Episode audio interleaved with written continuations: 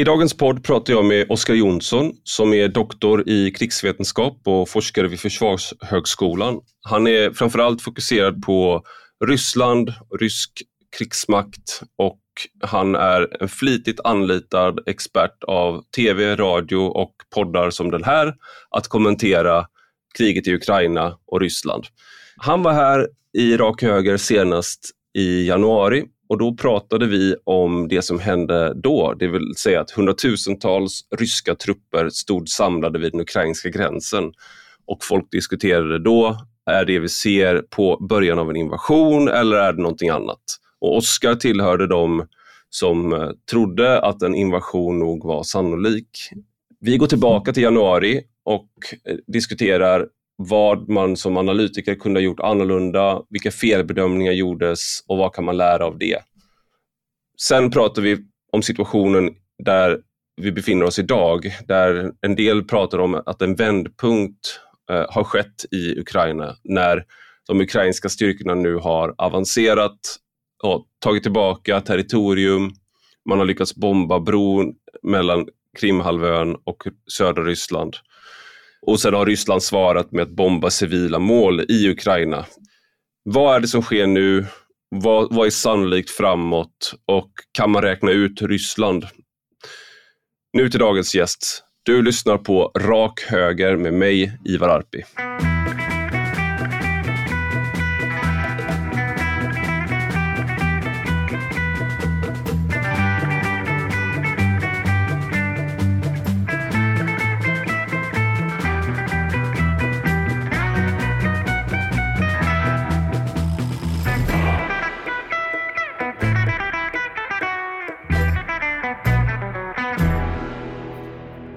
Välkommen Oskar Jonsson till Rak Höger.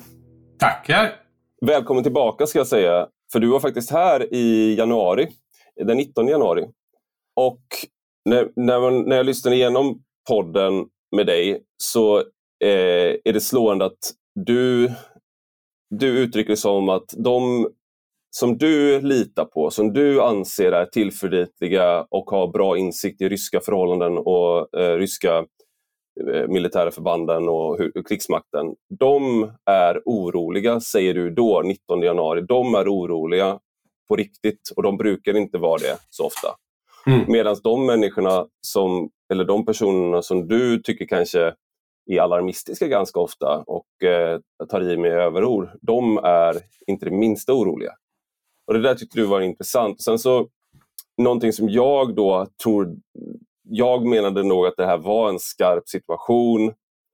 Eh, jag vet inte om jag skrev det här, men, och det är kanske dumt att i efterhand säga det, men jag trodde inte att det skulle ske en regelrätt invasion för att jag trodde att man skulle använda de här trupperna för, som påtryckningsmedel på ett sådant sätt som man har gjort och, och söndrat e- Europa tidigare och att man skulle få eftergifter. Men du varnade faktiskt bara några dagar innan vi spelade in podden att du tyckte att det såg ut som eh, en invasion, att det är det det såg sannolikt ut. Och jag tänkte bara, är det någonting så här i efterhand nu, om man går tillbaka till innan invasionen, som du själv är, har omvärderat i hur du bedömde situationen, hur du bedömde Ryssland? Är det någonting du tycker, liksom, eh, och, och sen vidare då, liksom hur, hur vi överlag, eller experter överlag, har liksom tänkt på Ryssland och tänkt på eh, ja, nu får du prata. ja, ja nej, men eh, absolut. Och det, finns, det finns egentligen hur mycket som helst där att, att utvärdera. Och någonstans där du började så, um, så kan man ju bara spola tillbaka och säga att varje gång Ryssland har haft en större militärstrategisk övning så har det alltid funnits röster som oj, det här är ett förtäckt invasion av Baltikum. Medan liksom, duktigare bedömare kunnat sett att nej, det här är en helt vanlig militärövning. Saken är inte på plats. Medans att det var genom skillnaden den här hösten. Att nej, alltså de faktiska sakerna vi behöver för att genomföra en invasion är på plats. Eh, och det sticker ut från andra tillfällen. Eh, men det som jag då märkte, som, som du nämnde, var att eh, många av de som kanske är snabba med att varna, oj nu kommer en rysk invasion, vill inte se det den här gången. Utan eh, som du också var inne på, att, att någonstans så är det analytiskt alltid säkrare att säga att eh, nej, men det är bara påtryckning med maktmedel. För det är det. Liksom 99 procent av gångerna man, man eh, liksom flyttar militär materiel och sådär så är det eh, liksom mer för påtryckning än för användning. Mm. Um, men det fanns ett par indicier den här gången som, som ändå stärkte det och någonstans uh, hade det på känn, varnade lite i december men, men i, i början av januari så så tyckte jag att det är tillräckligt. Det var bland annat det ryska kravet där från ryska UD som uppenbarligen inte var en förhandlingslösning. Mm. Så att så långt så, så, så var det väl mestadels rätt. Sen så det, den största felbedömningen var ju hur det skulle gå. Jag bara flika, flika in där att det här var ju också en, en skillnad mellan eh, sådana som som du, eh, som är eh, militära experter, säkerhetspolitiska experter med fokus på Ryssland, men ändå med en eh, fokus på det militära och eh, experter som eh, eh, fokuserar på ryska, för, alltså som är Rysslands experter. Att, om jag inte minns fel, många Rysslands experter var mer oroliga än militära experter. Men du var en av dem som varnade för invasion, men annars var det en sån där att det faktiskt var, eller om det var tvärtom menar jag. Eh, att det, var, det var militärexperterna var oroliga för invasion och Rysslandsexperterna trodde inte på det och att det fanns en mm. skillnad där i vad man var mm. Eh, fokuserad på. Det anknyter egentligen till min felbedömning. Jag är varken Rysslandsexpert eller militärexpert. Men det är ju då att man kollar på det man kallar the baseline. När mm. använder man militära medel och när har det skett tidigare och när har det varit en invasion? Och då som du säger, kanske inte i 99% av fallen men i de flesta fallen så är det inte en invasion som står för dörren. Men om du har insikt i det specifika fallet så kan du ju se andra saker. Och risken är ju då att man kan se för mycket, att man tror att, liksom, att man tror att någonting är en invasion. För du kan se, du vet så mycket att du tror att någonting är på gång och sker. Mm. Men i det här fallet så var det då de militära experterna som fick, fick rätt till stor del. Mm. Mm. Ja, men, och det, där, det där är så... Just analytiskt måste man alltid ha en enorm eh, liksom, ödmjukhet kring vad det är som försiggår. För även om man till exempel eh, fokuserar på den militära materielen. Säg att du även har signalspaning på trupperna på fronten och de säger att det inte blir någon invasion. Och sen i det här fallet så visar det sig då att ja, men, officerarna på frontförbanden hade ingen aning eh, tills kvällen innan och soldaterna vissa av dem inte ens när de rullade in i landet. Eh, mm. Så man får också alltid försöka fundera vad det är man ser och vad det betyder. För i det här läget så verkar extremt mycket varit drivet i en snäv krets från den politiska ledningen och knappt så att ens den ryska generalstaben hade koll på vad det var som försiggår. Eh, mm. Men det är fördelen med just militär materiel, att det går inte att bygga upp en sån här mängd utan att det syns på öppna källor, satellitbilder med mera. Jag satt ju och tittade hela hösten på liksom, eh, TikTok och Telegram-videos med den här militära massupprustningen. Sen så en lärdom för mig från 2014 var ju då, då, då hade jag ju fel. Då, då var ju min analys att nej, varför skulle Ryssland ta Krim? De har så många andra medel de kan få sin politik genom mot Ukraina. Alltså några månader mm. tidigare så hade man ju påverkat Janukovic att backa från ett associationsavtal med EU till exempel. Och sen nu den här gången hörde jag precis samma argument från, från de andra bedömarna. Och då hade jag, jag, tyckte, lärt mig jag, tyckte de var, jag tyckte de var jätteövertygande. Ja, ja exakt. Nej, men då hade jag lärt mig den hårda vägen. att så här, Ja, men bara för att jag tycker att det finns andra maktmedel eh, för att göra det här och att det är stor risk med väpnade medel behöver inte betyda att, att eh, den ryska ledningen tänker på samma sätt. Mm. Um, så, att, så att det gick väl bra. Det som gick mindre bra var ju ändå eh, tankarna på hur, hur det skulle gå. Eh, mm. Där, är man ju ändå, där trodde jag, eh, som de flesta andra, på, på en ganska snabb rysk vinst. Ehm, där är ju för sig i gott sällskap med liksom både den ryska underrättelsetjänsten, den amerikanska underrättelsetjänsten och, och även eh, de ukrainska försvararna trodde att det skulle gå mycket annorlunda. Och här får man också ha lite ödmjukhet för eh, vad man säger, hindsight merchants som säger att ah, det var uppenbart att det skulle gått fel. Läser man inifrån berättelsen av försvaret av Kiev så lyckades man med liksom numerärt underlägsna ändå hålla stången och var precis så den ryska luftlandsättningsoperationen vid Hostomel-flygplatsen inte fungerade. Hade den lyckats, mm. man slagit ut den politiska ledningen, så hade det sett eh, helt annorlunda ut. Men det eh, skulle ändå säga att, att Ryssland gjorde så dåligt Eh, ifrån sig. Och då är också frågan, så, här, men var det en dålig plan eller var det dåliga styrkor. Jag tror eh, någonstans kanske 70-30 kring en riktigt dålig plan. Nu ska vi ta eh, Kiev på fyra dagar. Eh, vi, vi, måste ruscha in dit. Men sen har ju också de ryska väpnade styrkorna eh, visat att eh, de har varit mycket sämre än, man, än vad man trodde i, i många avseenden. Men mm. återigen, det, det, är en sån där sak som... Och sen det här klassiska som vi har nu sett, att, som känns som ett arv från Sovjetunionens mm. Eh, korrup korruption inom, inom byråkratin. Att man har inte, när man har sagt att man har underhållit eh, materiell och sånt mm. där, så har man inte gjort det. Och man har inte, liksom, man har inte, det har varit rostiga saker har gått sönder, man har liksom, ja, den, den sortens materiellen och, liksom, och, och utrustningen har varit mycket sämre än vad den ska vara på pappret också. Mm, mm. Ja, exakt. Och, och, har man fått eh, några hundratusen för att köpa drivmedel så kanske man har sålt hälften. Mm. Uh, men jag vill inte heller fastna för djupt i, i just de här korruptionsaspekterna. För att liksom, innan det här kriget drog igång så var ju liksom korruptionsnivåerna i Ukraina på motsvarande nivå. Eh, så att det är inte en faktor som i sig kan förklara att det har gått mycket bättre för Ukraina än Ryssland. Nej, men och bara återigen gå tillbaka till antaganden innan kriget.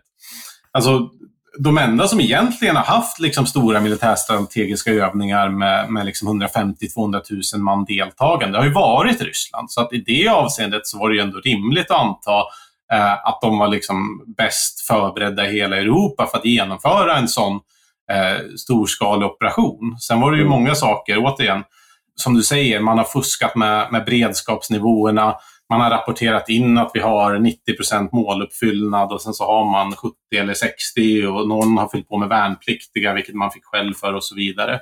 Mm. Så att det ska jag väl säga var, eh, det var väl den största eh, liksom felbedömningen var hur de, ryska, hur de ryska väpnade styrkorna skulle, eh, skulle klara av en, en sån här operation. Och sen är det ju så alltid med krig. Eh, får vi gå tillbaka till Clausewitz. Det är Clausewitz treenighet. Det är dels liksom det rationella in, policyn, det rationella intresset, det är dels känslor, hat och sen är det slump.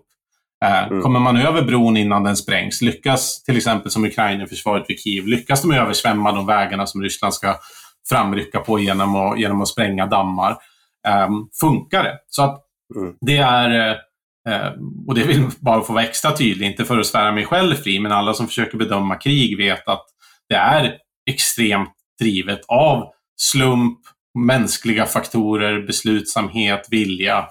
Och det är svårt att uh, uttala sig tvärsäkert. Mm. Det är, jag bara kommer att tänka på det här citatet eh, att, av Helmut von Moltke, det här med att, eh, eh att citatet är No plan of operations extends with any certainty beyond the first contact with the main hostile mm. force. Eh, mm. Och Det här är ju då arkitekten bakom eh, Schlieffenplanen inför eh, eh, första världskriget. Sen är det en del som, som menar att eh, de, den inte ja, genomfördes på rätt sätt och sådana mm. saker. Men i alla fall det där har ju bastardiserats till att nu ser man ofta att det är Mike Tyson eh, citat att eh, “everybody has a plan until they get punched in the face”. Mm. Och det är mer liksom eh, det är väldigt, eh, folk vet inte vem, vem von Moltke är, men de vet vem Mike Tyson är. Ja. The enemy gets a vote. Alltså det är det som är problemet med, ja. med vad som är skillnaden på strategi och plan. Att man kan ha en mm. plan hur man ska genomföra allt, men, men motståndaren också, har också en röst. Just det. det här är anled- jag, jag slår mycket på säck och jag, jag, tycker att jag är ganska bra på att slå på säcken för den slår inte tillbaks. Liksom. Men det, mm. det, att, att sen man, så fort man ställer sig i ringen så inser man att det, det är inte, man lär sig inte eh, sparring eller lär sig inte eh, boxning genom att stå på en säck. Men en, en, en sak då med eh, det, det, är det, ni som har då fokuserat på den ryska militären under många år. Man ser den här planen, man ser hur de genomför den här, den här nu har man kanske glömt det nästan, men den här gigantiska kolumnen som var på väg mot Kiev. Alltså, om du, om du hade gjort en sån där som man gör, sådana här krigsspel där man ställer upp det man vet, alltså utifrån de parametrar man har och gör ett scenario hur, man ska, hur ska Ryssland ta över Ukraina. Hade liksom Ryssland i, liksom, i hur många fall av, av liksom hundra fall om man skulle få börja om. Hade Ryssland med de förutsättningarna de hade innan kriget och Ukraina med de förutsättningarna de hade innan kriget, hade de klarat att ta över? Alltså, hade, de varit, hade de vunnit det här kriget vid det här laget? Eller mm. är det så, så pass stora felbedömningar av rysk kapacitet att det kanske inte funkar att eh, Alltså den typen av krigsspel kanske man skulle behöva, man, det hade inte funkat att, att, att, göra, göra om planen så bra ändå. Mm. Du sa 70-30 där, att 70% var en dålig plan. Om de hade haft en bättre plan, hade de klarat det här då? Mm. Jag, jag, tror absolut att, att Ryssland hade kunnat klara det här i många fall. Jag tror att det hade varit en helt annan sak om till exempel ryska generalstaben, som, som jag forskar på i synnerhet, hade fått liksom sitta ner i en månad och bara nu är det fullskaliga invasionen som gäller. Planera det här och genomföra det där. Sen, sen är det svårt med krigsspel. Alltså ett krigsspel från RAND som är en av de mest etablerade eh, försvarsdepartementsnära tankesmedjorna i USA kom ju med en eh, rapport där de sa att eh, Ryssland skulle ta eh, de tre baltstaterna i huvudsak på 48 till 96 timmar. Eh, det tycker jag är typiskt sånt krigsspel som inte tar i beaktande allt som är svårt med krig och allt som är friktion och allt som är slump. Eh, mm. Men det säger lite om, om, om styrkeförhållandena. Så att nej, jag tror att i, återigen, vid exemplet med liksom, anstormningen mot Kiev så var det liksom på, på marginalen att man lyckades göra det. Tittar man inifrån amerikanska underrättelsekällor så, så var de försiktiga med att skicka eh, mer avancerade vapensystem eh, liksom innan kriget och, och, första veckorna för att de egentligen var mest rädda för att de skulle komma i ryska händer. Att man inte riktigt trodde på det här. Så jag tror att i, mm. i många simuleringar har vi fått ett helt annat utfall. Sen är det svårt att, att och, och säga exakt för att, ja, men i, återigen, i, i, i teorin är praktik och teori samma sak, men, men i praktiken är det något helt annat. Mm. Och nu, nu då när vi har liksom fått, vi har fått se hur det här spelat ut, nu har det ju, är vi framme då bara de senaste dagarna i vad en del kallar för en turning point, eh, att det kan vara det. Bland annat med att Ukraina har har den senaste tiden gått till motattack och det har gått ganska bra. Men också då med den här bombningen av bron som förbinder Krimhalvön med eh, södra Ukraina som är och, och att man södra Ryssland? Södra Ryssland, precis. Och, och sen nu har Ryssland svarat med att bomba Kiev och bomba olika städer, civila mål. Vad, för det första, är, kan, ska man se det som ett svar, det Ryssland har gjort? Och sen för det andra, är det liksom en vändpunkt som vi ser just nu? Nej, men för det första, om man ska se det som ett svar, så, så är jag nog lite skeptisk. Jag är inte eh, militärlogistiker eh, själv, men alltså för att koordinera den här typen av robotanfall, alltså det här är ju det största robotanfallet som Ryssland har gjort sedan krigets första veckor. Alltså du ska ju tanka planen, beväpna planen, tanka robotarna, eh, få ihop det från liksom alla olika anfallsriktningar och sen så slog det mot mål över hela Ukraina. Eh, att man skulle slänga ihop allt det här inom liksom mindre än 48 timmar från att Kertjbron, bron över Kertjsundet, blev bombad. Eh, det låter osannolikt, men jag är inte eh, liksom helt säker så att jag, jag, jag kan eh, ta gift på det. Men jag tycker att det låter osannolikt. Utan det, eh, som svar på den andra frågan, då, utan det knyter ihop med hur Ryssland har eh, liksom betett sig tidigare när den ukrainska motoffensiven i, i östra Ukraina gjorde stora framgångar och man, man tog tillbaka ett område eh, lika stort som Skåne så blev det eh, omedelbara ryska svaret att, att eh, bomba civila mål i Charkiv, eh, damm i dammar och, och liksom elverk och så vidare. Ehm, mm. Så att det kan också vara förberett som en liksom bredande, bredare vedergällningsaktion mot ukrainska framgångar. Angående vändpunkt så Ja, det är en vändpunkt. Um, och sen vill jag gardera mig lite eh, sådär fegt med att säga att det behöver inte vara den, den avgörande vändpunkten, utan det kommer fler vändpunkter. Men det är faktiskt en enorm skillnad från kriget ända fram till, till augusti-september så var det inga egentliga fall där, där Ukraina hade framgångsrikt genomfört offensiv, utan man hade snarare stoppat rysk offensiv och sen hade Ryssland genomfört ganska kontrollerade reträtter, till exempel från Kiev och så vidare. Medan offensiverna nu i söder vid Cherson och i, i öster i, i Luhansk oblast, eh, så har man faktiskt genomfört offensiver och, och eh, slagit de ryska trupperna. Mm. Um, och noterbart försämrat deras grepp på regionen. Nu just i de här dagarna så verkar man uh, ha tagit en operativ paus för att fylla på med, med manskap, ammunition och så vidare. Men i synnerhet nere i söder så, så genomför man ju egentligen en form av utnötningsmotoffensiv, det vill säga man bombar eh, rysk eh, transport norr om Dnipro, eh, mm. som är vid två punkter Eh, och sen så gör man ganska långsamt och noggrant motoffensiv eh, för att nöta ut de ryska trupperna som är på, på liksom väster om floden. Mm. Eh, men det är, eh, det är definitivt så att Ukraina som är initiativet just nu och, och, och skulle du tvinga mig att sätta pengar på vem som tar över, erövrar mer mark de kommande veckorna så är det Ukraina. Mm. Ehm, det som talar emot och som kan komma till stopp är ju effekten av den ryska mobiliseringen. När börjar ryska eh, mobiliserade soldater ankomma i mass eh, mm. vid fronten?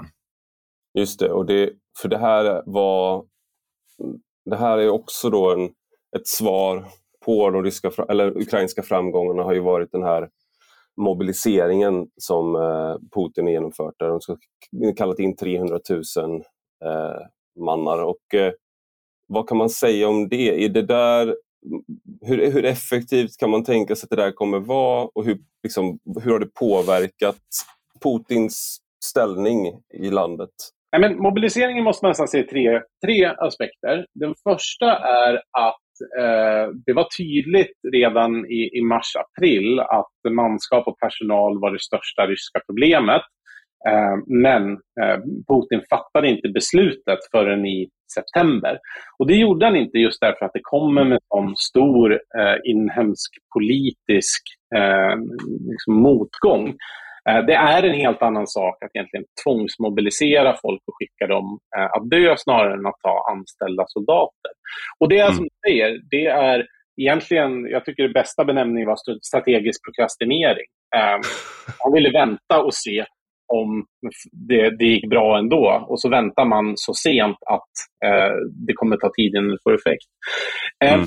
I den här mobiliseringsåtgärderna så finns det faktiskt tre saker som, som ger väldigt direkt effekt. Ja, det första är att alla temporära kontrakt förlängs tills vidare. Det vill säga de som skrev på tre månader för en stor cashbonus eh, med tre gånger, fyra gånger ryska medianlönen eh, som bara skulle vara där kort. Ja, de blir fast vid frontlinjen. Det andra är att man kan använda värnpliktiga i det som nu är enligt Ryssland ryskt territorium. Och det tredje är att man tredubblade ungefär straffen för vapenvägran och desertering, vilket gör att man egentligen stoppar blödningen av manskapet ute på fronten. Ehm, mm. Sen med själva mobiliseringen så jag tycker det har hörts lite för mycket att man kallar in liksom gamla gubbar som inte kan hålla in en automatkarbin. Och det stämmer och det blir svårt att få effekt av de här. Men om du kallar in 300 000 pers och så skickar du 100 000 till frontlinjen direkt, så får de bara hålla i en automatkarbin. Men sen så tar du 200 000 och så utbildar du dem på tre eller sex månaders sikt. Eh, då kommer det faktiskt ge en rejäl effekt. Alltså Ryssland startar kriget med 125 000 man. Um, om du räknar kallt, vilket den ryska regimen kanske gör, att 100 000 är expandables, men 200 000 får du öva i några månader, uh, så kommer det ge effekt. Och jag tror att det mest skrämmande är att det här tyder också på långsiktigheten bland den ryska regimen. Det vill säga, man sköt på att göra det här för att det är så impopulärt. Men sen när man väl gör det eh, så gör man ju inte det för att bara lägga ner några veckor senare, utan då har man tagit beslutet att det här är tills vidare. Så att det är de dåliga nyheterna. Men det, det är som du säger, det har varit väldigt mycket roliga klipp på fulla ryska rekryter så att säga, eh, som har cirkulerat. Eh, och, och då så får man ju känslan av att det här, är, det här kommer ju aldrig gå för Ryssland. Nej. Utan det här är ju, de kommer ju förlora det här kriget. För det ser mm. vi här. Mm. Och det, mm. det är väl lite det som är där det dyker upp många dåliga nyheter i, alltså för Ryssland eh, i, i mina flöden. Och En sån är ju också att man, eh, på rysk, rysk statsmedia öppet har ifrågasatt Mm. Eh, vad det verkar i alla fall, eh, ja, regimen, man har ifrågasatt Putin. Är det verkligen en så smart plan? Vad är den smarta planen här? Liksom? Och, mm. och det, mm. hur, hur mycket av det där är eh, ett faktiskt hot mot eh, Putin och mot kriget, ja, och, och, och, kriget i Ukraina, liksom krigsinsatsen? Mm. Och, och, och, hur mycket ser bara, och hur mycket är att eh, på något sätt att man känner att men nu måste det ju nu säger de det ju i tv här, jag ser ju det på klippet här. Liksom. Eh, mm. Så nu måste väl folk inse att det här kan inte fortsätta. Mm, mm. Ja men verkligen. Och, och, först ska vi bara lägga upp brasklappen att som, som, som analytiker så måste man förbereda sig för det värsta. Eh, som politiker mm. kan man till exempel hoppas på det bästa. Och Det är därför jag säger att det går inte att avfärda den här mobiliseringen. Sen är min bild absolut att det ser riktigt dåligt ut. De verkar få liten till ingen utbildning och, det kan vara, och deras moral torde vara dålig. Så att det mm. kan absolut vara sannolikt att de antingen dör i driver eller att de bara ger upp. Och Det är ju liksom någon, någon form av... Eh, man får hoppas att det inte fungerar. Mm. Um, och det här, och lite samma sak med, med den ryska regimen. Man, man, liksom, återigen, som analytiker får man förbereda sig för det värsta. Eh, men det är klart att det ser riktigt dåligt ut. Eh, det var protester i delar av hela Ryssland och det är ett kvalitativt annat fenomen än att bura in liksom, Navalny-supportrar eh, och, och slå ner dem. För gemene ryss, om det nu finns en sån sak, ser det som politik. Eh, ja, ja, det där är människor som själva vill liksom, ha valt att engagera sig. Medan nu är det folk vars liksom bröder, söner, fäder skickas ut i kriget. Och för varje ryss i vapenför ålder så vet de att ja, okej, om det inte jag blir mobiliserad den här gången så kanske jag blir nästa gång. Eh, vilket liksom bryter samhällskontraktet lite i Ryssland där det tidigare var att vi håller oss borta från politiken, eh, vi får lite stabilitet och lite ekonomisk utveckling och ni får berika er.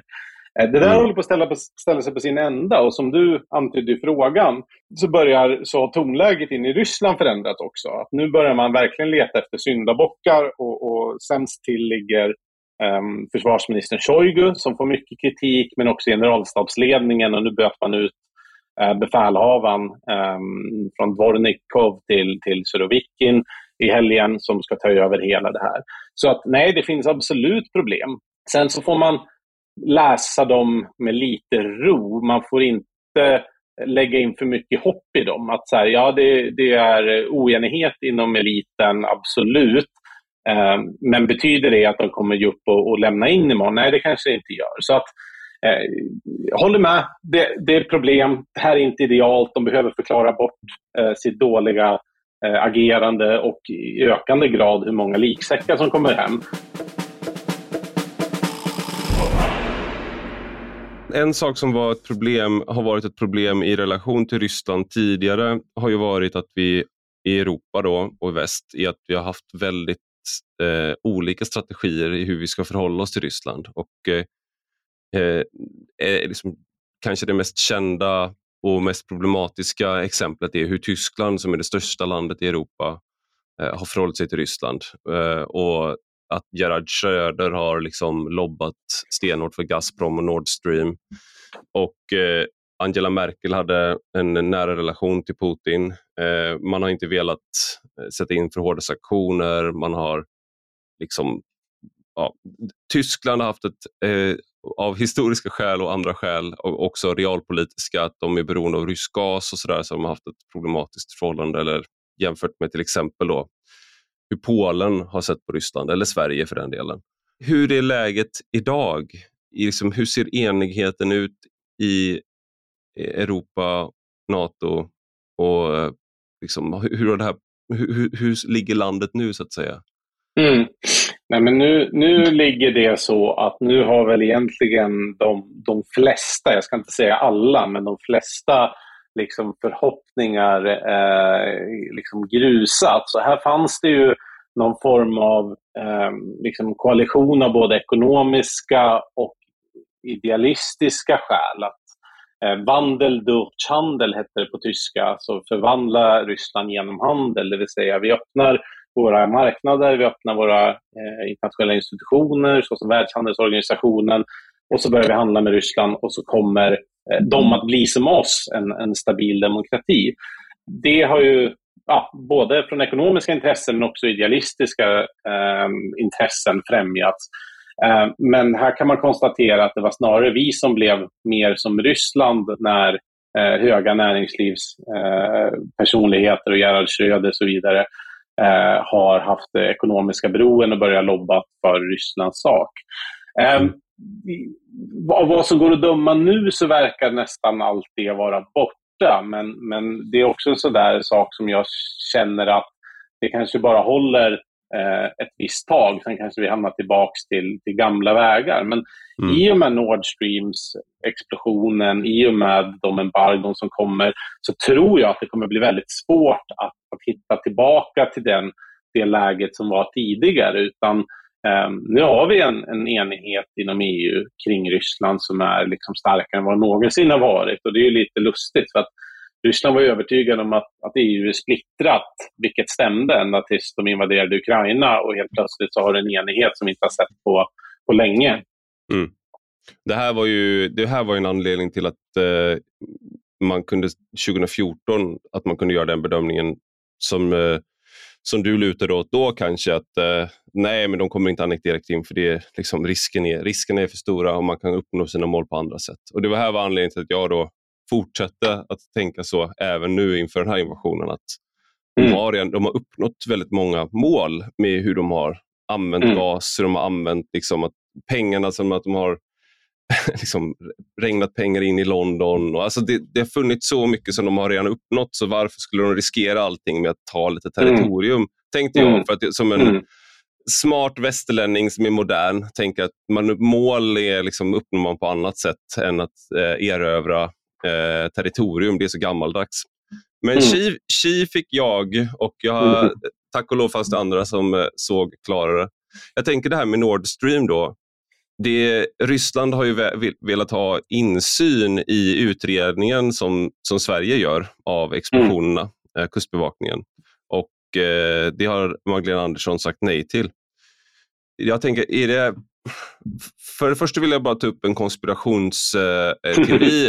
eh, för att en del då säger att eh, varför skulle Ryssland göra Ryssland ligga bakom de här där. För att det, liksom, det, det är väl de som tjänar på att Nord gasledningarna är intakta så att de när, kan säga till exempel till Tyskland så här att ja, om ni bara skärper er så ska vi skicka så mycket gas till er.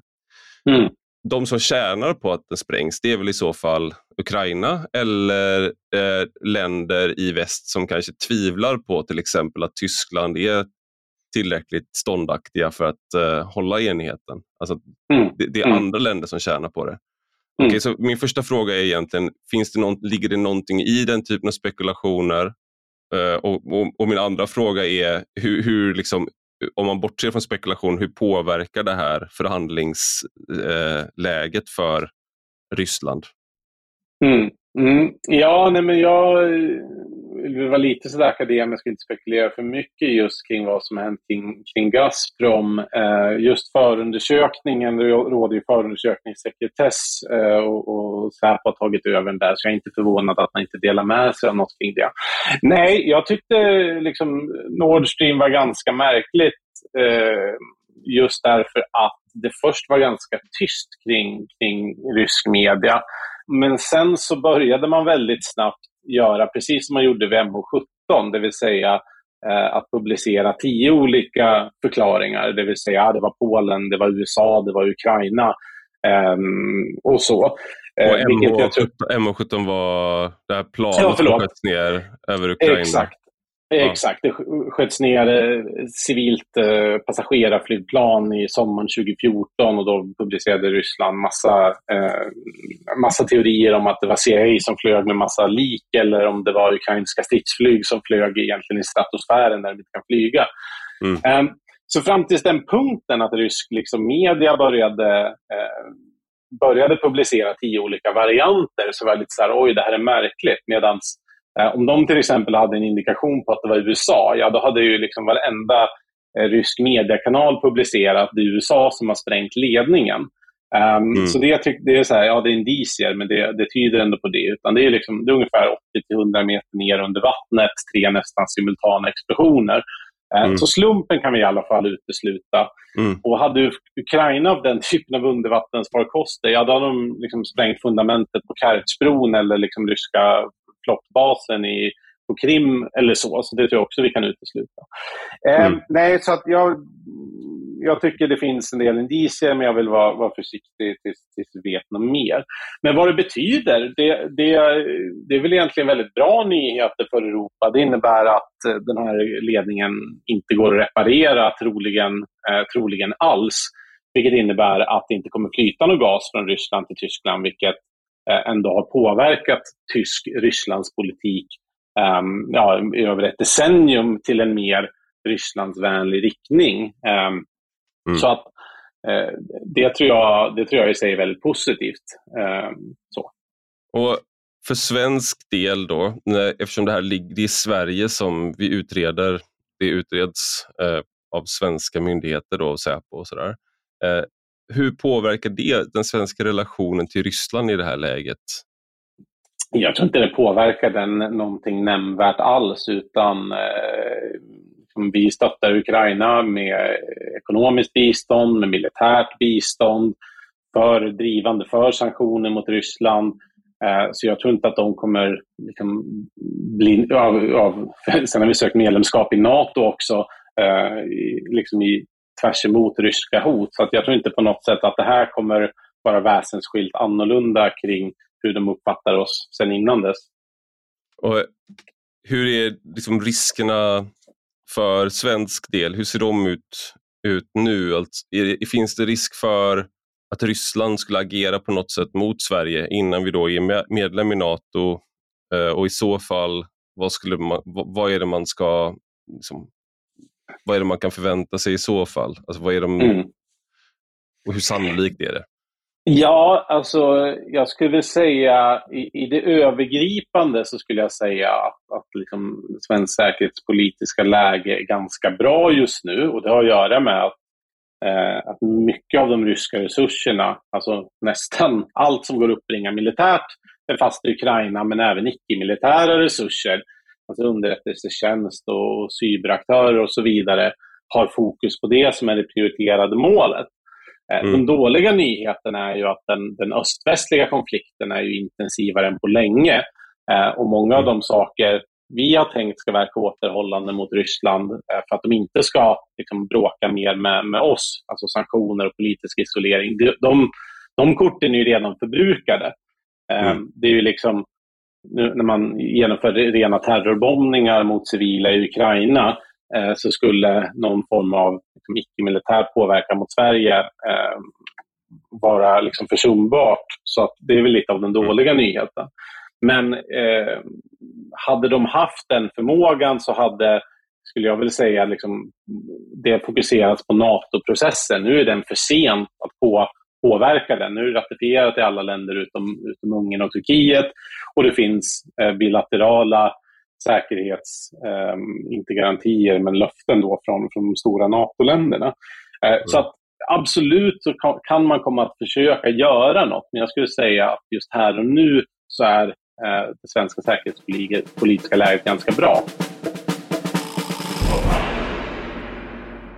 Om man liksom tänker då de värst, worst case scenario så är det ju prata med människor om kärnvapen. Och mm. Put, många tolkar det när Putin har sagt att de är beredda att göra vad som helst. Eh, liksom, som att han menar att om vi behöver göra det så kommer vi använda kärnvapen. Mm.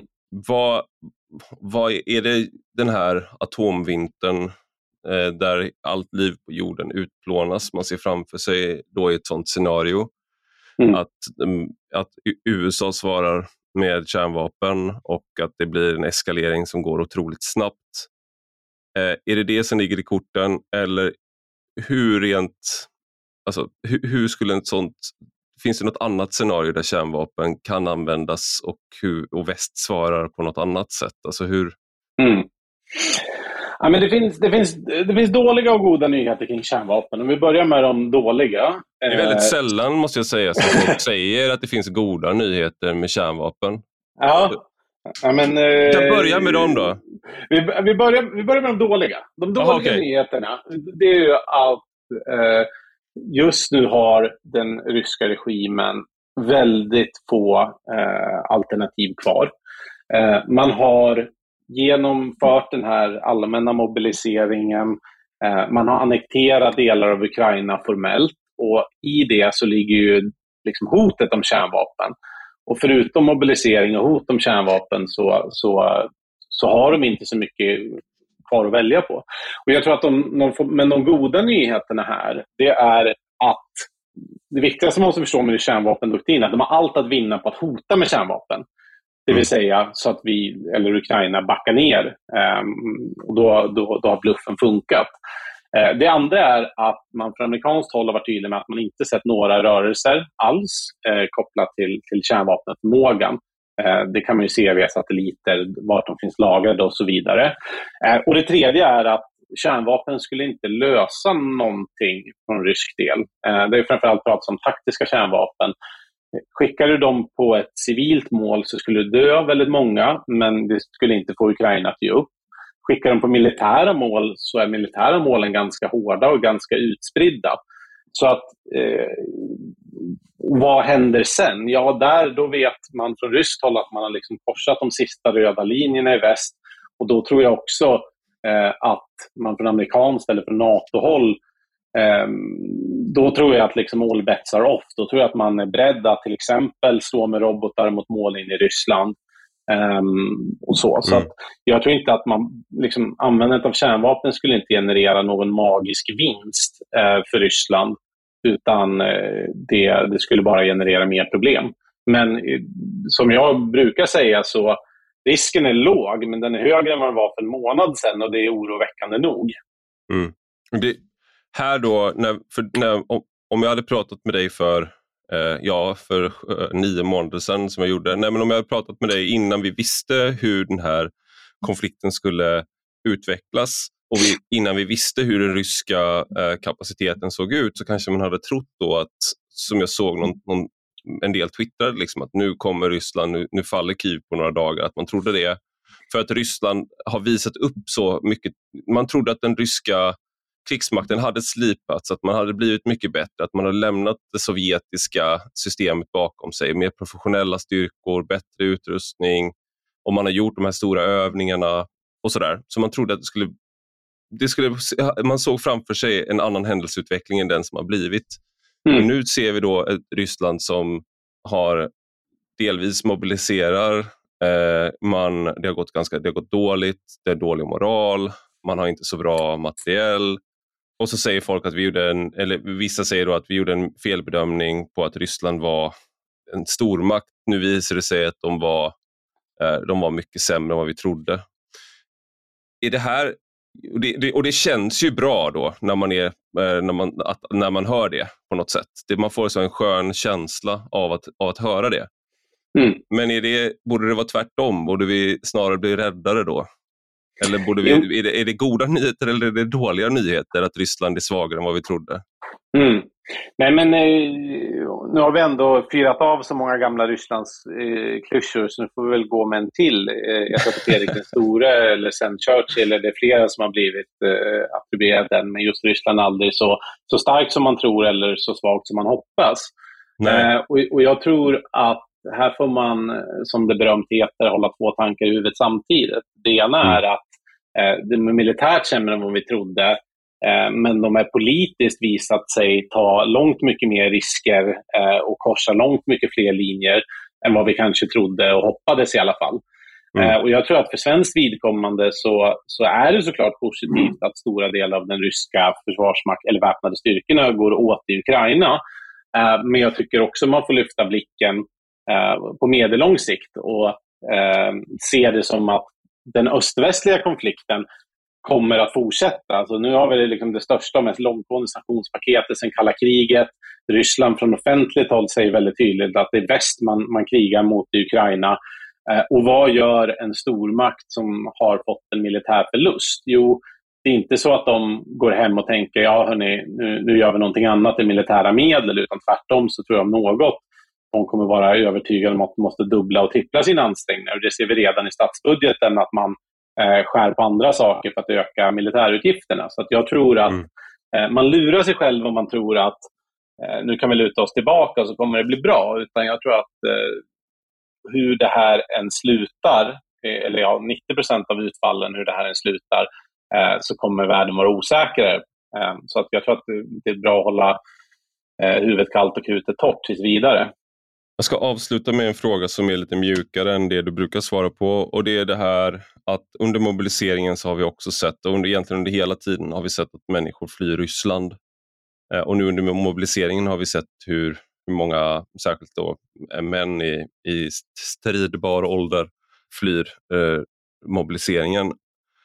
Och samtidigt så finns det ju ett väldigt många som då säger att som inte vill ge visum till till ryssar, många länder som stänger gränsen för ryssar. Mm. Hur, hur ska man se på det där? För ett argument mot det har ju varit att vi ska välkomna ryssar som flyr Ryssland, just att, för det är ju de som är emot så att säga, regimen och att vi då eh, tar emot dem visar att vi har, alltså det, det är på något sätt win the hearts and minds på något sätt av ryssar, mm. att man tar emot dem. Och mm. när man då stänger gränsen för dem, är, går argumentet, så så trycker man och visar man att det finns inga alternativ för er på något sätt. Mm. Och mm. motargumentet, ja det kanske du vill komma med, jag vet inte, men eh, vad mm. tänker du om, om det argumentet och, och den här situationen? Mm. men det där, jag tycker det är svårt. Alltså någonstans så, så bland argumenten som framförs är ju att nej, men om vi stänger in dem i Ryssland så kanske de revolterar. Eh, mm. Det tror jag är kanske lite simplistiskt och, och, och, lite hoppfullt att tro att det löser sig på det sättet. Så att ja, nej, jag vet inte. Jag, jag kan, jag kan säga, säga återigen ganska trist svar, men jag, jag, jag, förstår liksom båda, båda argumenten här. Dels de som vill stänga gränsen och dels de som vill ge de ryssarna som inte stöttar det här en möjlighet eh, att ta sig ut. För det, det, det försvagar ju också eh, den ryska regimen. Jag tror det är runt 700 000 som flytt sedan, sedan mobiliseringen annonserades. Mm, just det. Och det är idag, nu för tiden, när, om man jämför med för hundra år sedan när Ryssland också var en stor, då hade de ju den högsta, det högsta barnafödandet i hela världen, högre än något land i Afrika samtidigt. Eh, och nu så ligger de nästan lägst i hela världen, eh, inte riktigt, men de ligger väldigt lågt så att det finns inte den här, de strategierna man hade en gång i tiden när man kunde skicka in unga, liksom kohort efter kohort av unga män eh, i, mm. i fronten. Det, det, man har inte den man har mycket grundare som befolkning i det. Befolkningspyramiden ser väldigt annorlunda ut i Ryssland idag. Ja, och få, och få lägga till en sak där. Alltså det som händer mm. i Ryssland nu är ju att ekonomin håller ju på och egentligen eh, liksom delas på mitten. Å ena sidan producerar Ryssland väldigt mycket eh, energi, eh, de producerar mat eh, och där liksom Gazprom dubblade sin vinst under första halvåret. Men mm. sen all form av avancerad ekonomi håller ju på att gå eh, käpprätt åt skogen. Så nu har man visserligen en del kontanter från ökade inkomster, men på mellanlång sikt så, så eh, tappar du ju liksom, du tappar miljon, över miljonen människor i arbetsför ålder, men i synnerhet någon form av liksom high-tech-ekonomi som, som ändå vi i väst tror på. Så att jag tror att det, de ekonomiska konsekvenserna av det här kommer bli, kommer bli stora, om än inte direkta. Mm. Vi, kan, vi kommer få Eurasiens största Nordkorea som granne, som var det mm. någon som sa. Mm. Det är, det är värsta, i värsta fall. Då. Men eh, stort tack Oskar Jonsson för att du var med i Rak Höger idag. Tackar. Och stort tack till dig som har lyssnat. Gå gärna in och skriv en recension på Apple Podcasts eller i den app där du lyssnar på podden. Och detta är alltså en del av en större publikation på Substack med samma namn som podden. Och den som prenumererar där kan även ta del av de texter jag skriver. Gillar man det man läser och hör får man gärna bli betalande prenumerant för 5 euro i månaden eller 50 om året. Då får man ta del av lite exklusivt extra material också. Du hittar rubbet på ivararpi.se. Och har du några frågor eller synpunkter kan du alltid mejla mig på ivararpi Vi hörs igen.